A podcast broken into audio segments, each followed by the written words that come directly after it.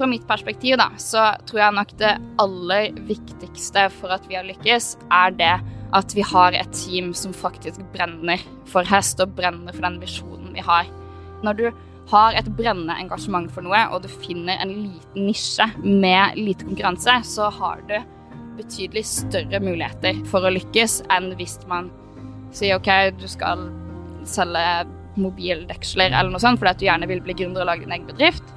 Det er mange som får det til, men jeg tror det er veldig mye vanskeligere da å gi det lille ekstra og få teammedlemmene til å gi det lille ekstra, med mindre man har et eller annet som man virkelig tror på, virkelig kjenner på kroppen, og virkelig er, er klar til å, å kjempe for og ofre ting for.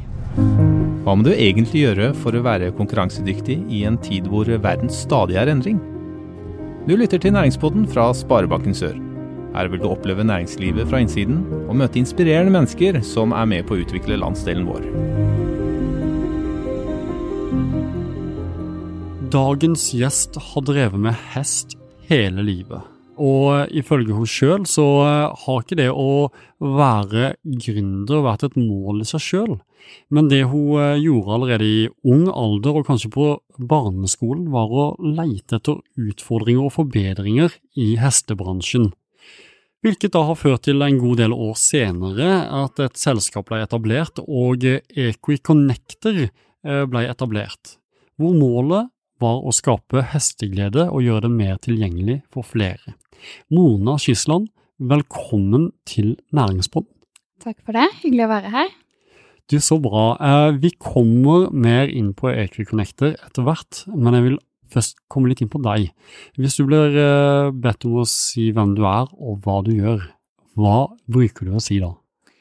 Nei Jeg er jo først og fremst hestegründer, da. Det oppsummerer det vel egentlig ganske greit.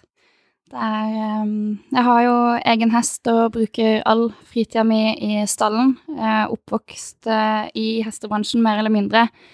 og så er det business som driver meg, og jeg alltid har syntes det har vært utrolig gøy. Jeg har jo litt andre hobbyer også, men sånn, hvis man skal oppsummere meg i ett ord, så er det hestegründer, rett og slett. Du, um, så er det jo sånn at uh, du er nå i en alder av 26 år, men allerede så har du rukket ganske mye, meg bekjent. Ja. Fortell litt om det. Nei, um, jeg har jo alltid likt å ha ganske full timeplan. Uh, så jeg begynte um, Ja, når jeg var 15 år, så begynte jeg å jobbe på ridesenter. Og har hele tida drevet parallelt med hest og musikk og jobba. Um, ja, liker rett og slett å ha, ha fulgt opp. Så jeg gikk jo rett fra videregående til master og jobba ja, mellom 50 og 80 prosent med markedsføring og forretningsutvikling i andre bedrifter parallelt med studiene, i tillegg til å ha hest og, og drive aktivt med det. Mm. Og basert på historien vi snart skal høre, så slår det meg at du er en sånn du stiller spørsmål ved hvorfor ting ikke er enklere enn det er. Eh, og det er jo gjerne et gen, og når man da gjør de tinga i tillegg og tenker at det skal jeg fikse sjøl, er det noe som ligger til familien, dette her? Eh, det er det nok eh, definitivt. Eh, moren min var jo annet en av de første kvinnelige pionerene i Nordsjøen. Og har eh, vært vant til å, å snu bransjer eh, på hodet, kan du si. Så det er nok definitivt noe som, som ligger til familien, ja.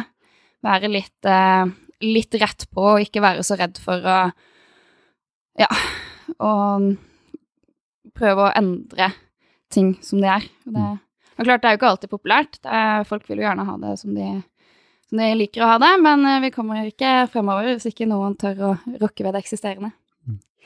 Så mor er da type en inspirasjonskilde for din del? Absolutt. Mm. Hva, hva, er det det har lært deg senere, nettopp det mor din gjorde ved å rokke ved eksisterende? Kan du fortelle litt om det? Ja, det er vel egentlig helt siden jeg var liten, så har jeg vært fæl til å spørre hvorfor det. Eh, sikkert veldig irriterende for mange, og det har jeg ikke vokst av meg heller. Og det er nok en del folk som, som skvetter litt eh, av at jeg såpass ofte sier ja, men hvorfor det? Og hvorfor er det sånn? Og hvorfor kan man ikke gjøre noe med det? Og ja, spesielt i eh, tradisjonelle bransjer så er det ofte litt sånn ja, men sånn har det alltid vært, og så det skal man ikke tulle med. Eh, og da blir jeg litt sånn nei, OK, watch me. Eh, så ja, det er nok litt, litt det genet hele veien, sånn bare litt eh, Ja, nesten, nesten litt rebelsk på det der. Ja. Bare um, ikke, ikke akseptere at ting bare er sånn som de er, når det ikke er bra nok. Og så er det jo sånn at du har jo en fordel med å ha en lidenskap innenfor hest, Mm. eh, hvilket førte til eh, Equiconnector, som vi nå skal, skal snakke om. Men kan du først bare dele med oss som uh, lytter til deg nå, det, hadde du et sånt aha-øyeblikk hvor du fant ut uh, ja, ok, dette her er faktisk en forretningsmulighet. Kan du fortelle litt om det? Ja. Um, Equiconnector er jo egentlig et resultat av en frustrasjon som har bygd seg opp gjennom hele livet. Um, jeg har vært i en bransje hvor eh, ting går treigt, og ting er gammeldags, og det er veldig dette her Ja, men sånn har det alltid vært, så det skal vi ikke gjøre noe med. Eh, og det er de samme gamle familiene som bestemmer hvordan ting skal være, og ja. Eh, men akkurat aha-øyeblikket, det var nok um, en eh, søndag jeg var ute og gikk tur. Jeg hadde dessverre nylig mista min forrige hest til eh, kolikk, og sto plutselig eh, uten eh, egen hest å ri, samtidig som jeg kjente veldig mange mennesker med hest, og visste eh, at de ofte ikke hadde tid til hestene sine, eh, og at det var ledige plasser på ridekurs. Så når jeg så alle disse hestene som sto der en eh, søndags formiddag, ikke et menneske å se, og jeg visste veldig godt, og fikk det også bekrefta ganske tidlig i markedsundersøkelser, at det er eiere som ikke har tid, og det er, um, er ridesentre som har mye ledig kapasitet på timene sine. Og jeg hadde jo egentlig et godt utgangspunkt, siden jeg kjenner såpass mange i bransjen. Eh, så jeg kunne jo fint eh, ha tatt telefonen, begynt å ringe rundt til folk. Er det noen som har en ledig hest jeg kan ri i dag? Er det noen som har ledig plasser på en time seinere? Eh, men å skulle begynne å nøste opp i det manuelt, selv med et godt nettverk, det er jo Ja, det er ikke umulig, men det er tidkrevende.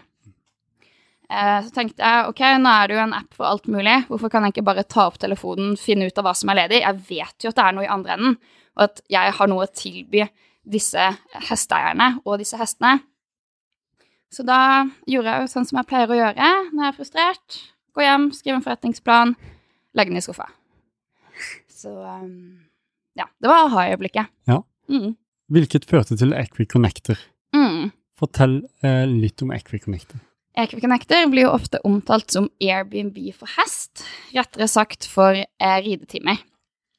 Så det vi har gjort, er at eh, vi har samla en eh, rekke ridesentre fra hele landet, og også i utlandet, hvor istedenfor at man må ringe rundt, eh, maile, eh, prøve å finne disse forskjellige ridesentrene, og veldig mange av de har jo ikke engang egen nettside, istedenfor å gå gjennom hele den tungvinte prosessen, så kan man nå eh, finne, booke, betale for og signere på altså forsikringspapir osv. Eh, på under to minutter. Så den prosessen har jo blitt eh, ja, ganske mye mer effektiv. Så du har rett og slett uh, laget en prosess som fjerner mange flere prosesser? Yes, Mm. det, det stemmer. Mm. Jeg har jo selv også jobba i administrasjonen på ridesenter og jobba som eh, rideinstruktør eh, i flere år, og har jo virkelig kjent på kroppen altså hvor tungvint det er. Skulle liksom Selv på et ridesenter som var kommet relativt langt i forhold til mange andre, eh, måtte mm, hente papirer eh, oppe på loftet. Folk må signere på ja, jeg har ansvarsforsikring og ulykkesforsikring osv. Eh, og så måtte jeg skrive under den i to eksemplarer, legge den i en perm på loftet, få fakturainfo, sende faktura, følge opp fakturaene. Altså hele den prosessen der. Eh, det var Altså akkurat den biten liksom, med fakturering og sånne ting, det syns jeg er ganske kjedelig. Eh, og det slo meg ganske ofte når jeg satt og jobba seine kvelder på stallkontoret, at eh, dette her er jo egentlig ikke nødvendig i det hele tatt. Dette kunne vært gjort mye enklere. Og jeg kunne spart mange arbeidstimer og også gjort prisen på tilbudene ut til sluttbruker ekstremt mye rimeligere. Her har du åpenbart et problem som mange ønsker å løse, hvilket gjør at du har fått kunder, og nå trenger ansatte. Ansatte, det har du òg fått. Fortell litt hvor mange dere er. Eh, vi har ti på teamet totalt, med arbeidende styre og interns, og så er vi seks ansatte. eh, stort sett i ca. 50 stillinger. Mm. Um, og det som er måte unikt med våre ansatte, er at vi alle vi deler lidenskapen for hest. Altså alle er villige til å go the extra mile og skjønner virkelig grunnen til at det vi gjør. Um, de skjønner hvorfor det er viktig å gjøre hest tilgjengelig for flere, for det er en så stor del av våre egne liv. Eh, blant annet markedsansvarligen vår er NM forrige helg. Altså, det er sånn, når vi er ferdig på jobb, så går vi i stallen. Ofte tar vi, ikke sant, nå i koronatid, ofte ti meter fra stallen, og så kommer hesten bort på ti meter. Altså, det er ikke noe som vanligvis skjer. Eh, og vi har også en, Eh, altså en organisasjonskultur eh, hvor det er en selvfølge at hesten kommer alltid først. Så hvis det er et eller annet med hesten, uh, så er det ekstremt stor forståelse for det, og man hjelper hverandre. Um, ja. Det er jo noe som ikke er, kanskje er så vanlig på de fleste arbeidsplasser, at hesten den kommer faktisk før alt annet. Um, Ganske unikt, og, og, det får meg til å tenke litt på Du er veldig bevisst på eh, å ansette folk som er klar over hvorfor. Ja. Anser du det som viktig for deres suksess? Absolutt. Eh, det har vært helt avgjørende. Og det er jo også det eh, våre kunder, altså ridesenteret, eh, sier at de setter aller størst pris på med oss, og grunnen til at de går til oss. Det er det at vi forstår utfordringene deres. Altså, vi vet altså alle detaljene. De trenger ikke bruke masse tid på å forklare oss hvor mange timer om dagen en hest kan gå i rideskolen, hvor mye høy de spiser, eller hva det koster. For det er sånne ting som vi Altså, vi, vi skjønner greia. Eh, mens hvis de bruker eksterne leverandører fra andre bransjer, altså det finnes jo nok av eh, bookingsystemer og søknadsskrivere og forretningsutviklere, Eh, men de har ikke nødvendigvis den forståelsen av bransjen. Eh, så ved å gå til oss, som også vi tilbyr også konsulenttjenester og kurs til eh, ridesentrene vi samarbeider med. Mm. Når de går til oss, så får de, de får mye mer verdi igjen, for det at vi kan vi kan hjelpe dem på en effektiv måte mm. og virkelig sette oss selv i deres sko. Og vi reiser også mye ut til ridesentrene og faktisk er med, møter hestene, ser altså fysisk er til stede og kan hjelpe å se muligheter og faktisk forstå hva det innebærer. Mm. Når du nevner det, du starta ja, i 2019, eh, Equiconnected, og har nå eh, vokst seg til å bli ganske stort og, eh, og bærekraftig selskap. Um, for meg så virker det som en, det har vært en dans på roser. er det tilfellet? Nei. Nei, Fortell litt om det. Eh, det er jo ikke det. Altså, som alle startups så møter man på utfordringer, og man eh, bommer litt på ting, og man velger litt eh, feil eh, samarbeidspartnere, kanskje. Um, så vi har definitivt hatt våre utfordringer. Men alt i alt så syns jeg det har gått overraskende enkelt. Uh, og det betyr ikke at det har vært enkelt, det har vært beinhard jobbing, og det har vært mange ups and downs. Uh, men jeg var, jeg var, forberedt på at det egentlig skulle bli verre. Uh, for vi møter ekstremt mye goodwill ute i hestebransjen. Og får veldig mange gode tilbakemeldinger. Sånn, endelig noen som faktisk ser oss i hestebransjen, og faktisk bryr seg. For den, det er utrolig mange dyktige mennesker ute i Heste-Norge, men de mangler ofte den det nettverket med sant, virkemiddelapparat og gründermiljøer og altså ting som kan virkelig hjelpe dem videre. De tror ofte at de må liksom sitte på hver sin tue og så slite og få det til selv. Mm. Eh, og de setter utrolig stor pris på når det kommer en aktør som oss og faktisk tilrettelegger for kurs og nettverksarrangementer, og tar oss altfor dårlig betalt for det, fordi vi virkelig er interessert i å hjelpe. Eh, får vi ekstremt mye tilbakemelding sånn endelig, endelig føler jeg meg sett, endelig får vi til noe, endelig får vi faktisk inn prosjektmidler. Endelig skjer det noe, altså nye kunder Plutselig må de ansette flere folk, for det skjer så mye utvikling. Um, og det er utrolig givende. Mm. For oss som ikke, eller for meg, kan jeg i hvert fall eh, skrive noe på, uh, som ikke kjenner særlig godt til hestebransjen. Uh, du nevner kurs og nettverksbygging. Kan du, kan du gi bare et raskt innblikk i i uh, hvordan det markedet der er. Mm. Eh, så hestebransjen i Norge, den er ganske tradisjonell. Men det skjer ganske mye verdiskapning der. Eh, det er dessverre altfor dårlig kartlagt. Men det antas at det finnes ca. 16 000 arbeidsplasser i Heste-Norge, og at det er omtrent 100 000 hester. Men estimatene varierer veldig mye. For det er nok en bransje som har blitt litt, eh, blitt litt glemt eh, i det store bildet og av politikere. Eh, så der ser vi heldigvis en endring, at det begynner å komme, mer, kom, begynner å komme veldig mye forskning på dette med hest og helse. Hest og utvikling av lederegenskaper, f.eks. Eh, jeg har også skrevet masteroppgave om innovasjon i hestebransjen. Og både min egen konklusjon der og egentlig konklusjonen til det lille som har blitt gjort av forskning på altså businessmiljøet i, i den norske hestebransjen, leder egentlig til konklusjonen at grunnen til at hestebransjen på mange måter ligger såpass langt bak, er at det har vært altfor lite kunnskapsutveksling både mellom forskjellige aktører i hestebransjen, men også mellom hestebransjen og andre bransjer. Eh, at det er veldig sånn eh, Alle sitter på hver sin tue og skal prøve å få det til eh, uten å liksom løfte blikket eller samhandle så mye med andre. Så det er utrolig gøy å se at det nå er flere ildsjeler der ute mm. som faktisk tar initiativ til å lage så bare nettverksgrupper, Facebook-grupper Vi jo, har vært med å etablere et par av de, eh, hvor vi arrangerer eh, samlinger noen ganger i året, hvor vi kommer sammen, holder workshops, eh, hjelper hverandre med nettverk og innspill til ulike ting og sånn. Så der mm. ser vi heldigvis at det begynner eh, virkelig å gå fremover. Og det begynner nok å bli flere som utfordrer altså den etablerte hestebransjen, eh, som er veldig satt, og spesielt til konkurransemiljøene. Nå banner jeg i kirka. Eh, forhåpentligvis ikke så mange som hører på. De får unnskylde meg. Eh, men det er gjerne sånn at det er noen få familier som styrer veldig, veldig mye, og har gjort det i mange, mange tiår. Og kanskje i veldig liten grad har blitt utfordra, men der ser man liksom virkelig en endring, at det begynner å komme flere altså mindre hestegründere og ildsjeler som faktisk tør å sette spørsmålstegn ved det etablerte, og faktisk begynner å få ting til å skje. Mm.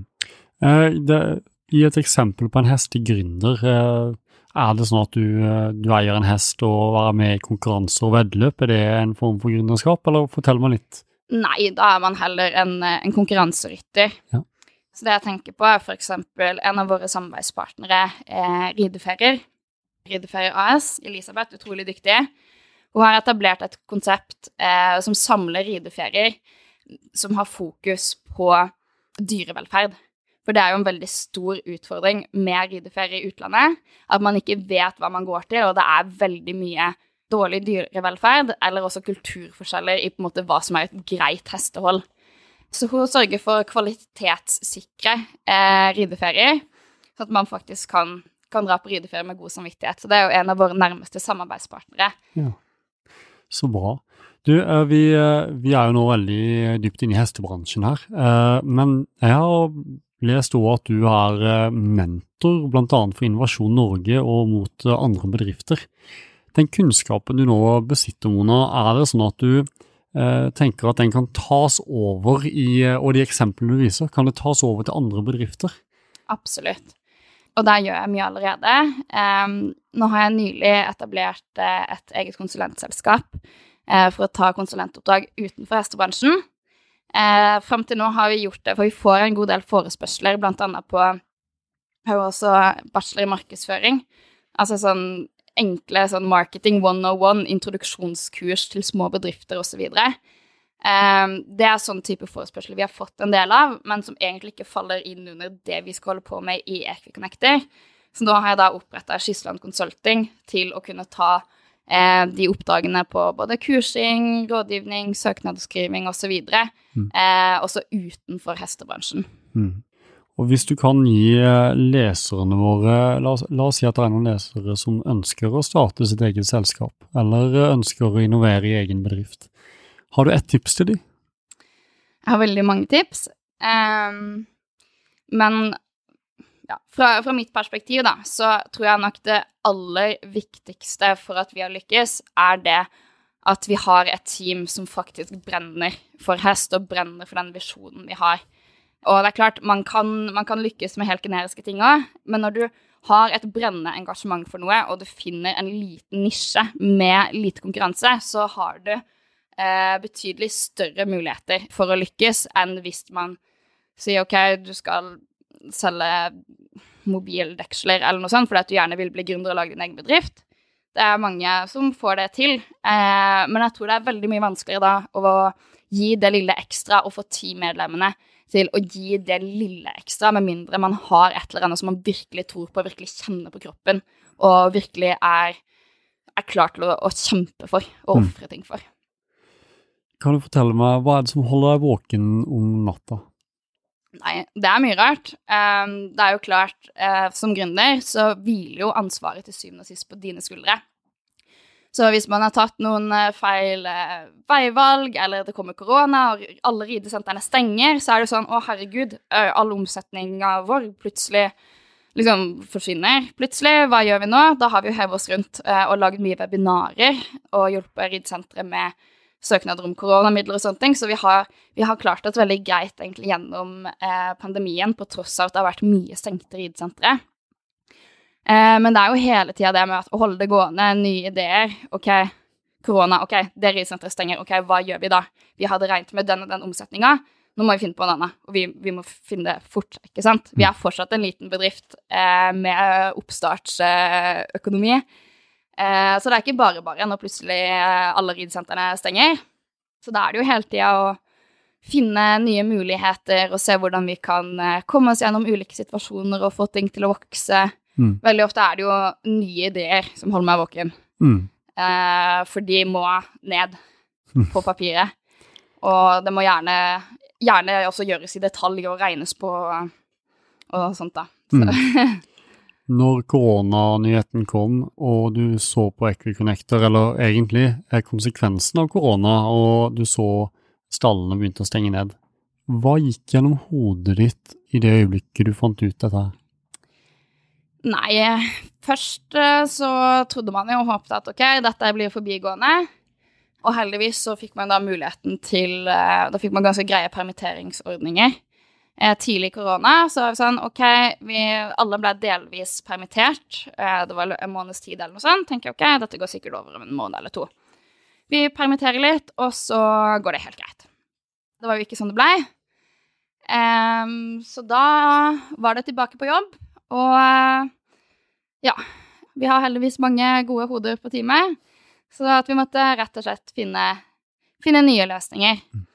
Og da blei det jo det, heldigvis, at vi hadde to Altså, vi har egentlig tre bein å stå på. Vi har eh, bookingsystemet, og vi har konsulenttjenester, og vi har kursarrangementer. Og så tenkte vi også ja, OK, kurs og sånn, det er jo ikke så aktuelt nå, eh, fordi man ikke kan møtes. Eh, så vi, vi avventa det ganske lenge, for vi tenkte at ja, OK, men webinarer, det er så mange webinarer, det er ingen som gidder det. Mm. Men når vi faktisk begynte å lansere webinarer likevel, for vi sa ja, OK, dette her tar jo ingen ende, vi kan ikke vente lenger nå, eh, så ble det faktisk stort sett utsolgt. Og de menneskene som var med, altså hestefolk, eh, har fått utrolig mange gode tilbakemeldinger og ser virkelig at de fikk liksom inspirasjon og eh, muligheten også til å snakke med hverandre og finne mulige samarbeidspartnere og se ok, hvordan kan vi bruke denne tida nå som ridesentrene er stengt, til å faktisk skape verdi fremover. Mm. Så det har jo faktisk gjort at vi har jo egentlig hatt det mer hektisk enn noensinne. Nettopp fordi at sant, disse kursene har kanskje fått en del mennesker til å OK, hva kan vi gjøre her, utvikle videre? Vi har jo kurs i sant, søknadsskriving for hestebedrifter. Helt konkret, hva må du tenke på når du som hestebedrift skal søke om innovasjonsmidler? Så ja. Så bra. Ja. Nei, men jeg skjønner godt at du holdes våken om natta og slikt. du, vi har et eh, Vi begynner å nærme oss slutten her, Mona. Eh, men vi har alltid et fast spørsmål til enhver gjest i Næringspodden. Og det er hva gir deg næring og inspirasjon i hverdagen? Um, hesten min. Den uh, gir meg i hvert fall um energi og liksom avkobling. Og hvis det er lange dager på jobb og jeg er sliten og på en måte begynner å på en måte miste synet av ok, den der hvorfor, for det er jo den hvorfor hele tida som driver meg.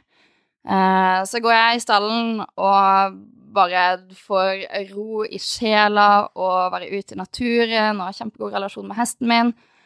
Og da er det liksom sånn Bare OK, tilbake til hvilepuls. Og så får jeg sånn dette, dette er hvorfor jeg gjør det.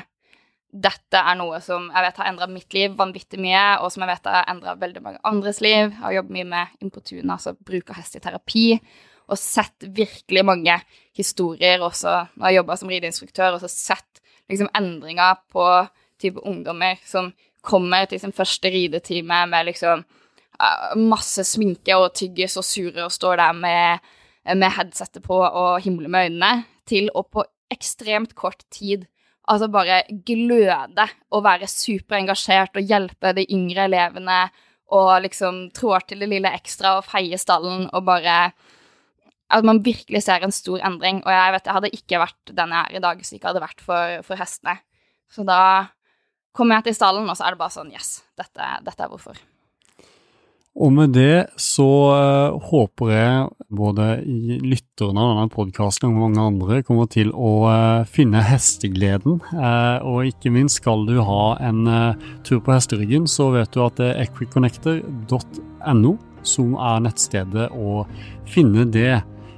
Mona, tusen hjertelig takk. Du er en fantastisk rå gründer som jeg håper mange av våre lyttere finner inspirerende. Så takk for praten. Selv takk. Du lyttet nettopp til Næringspodden av Sparebanken Sør. For flere episoder, gå inn på sor.no slash podden. Her kan du gi ris eller ros, samt tips til andre næringsdrivende vi bør intervjue.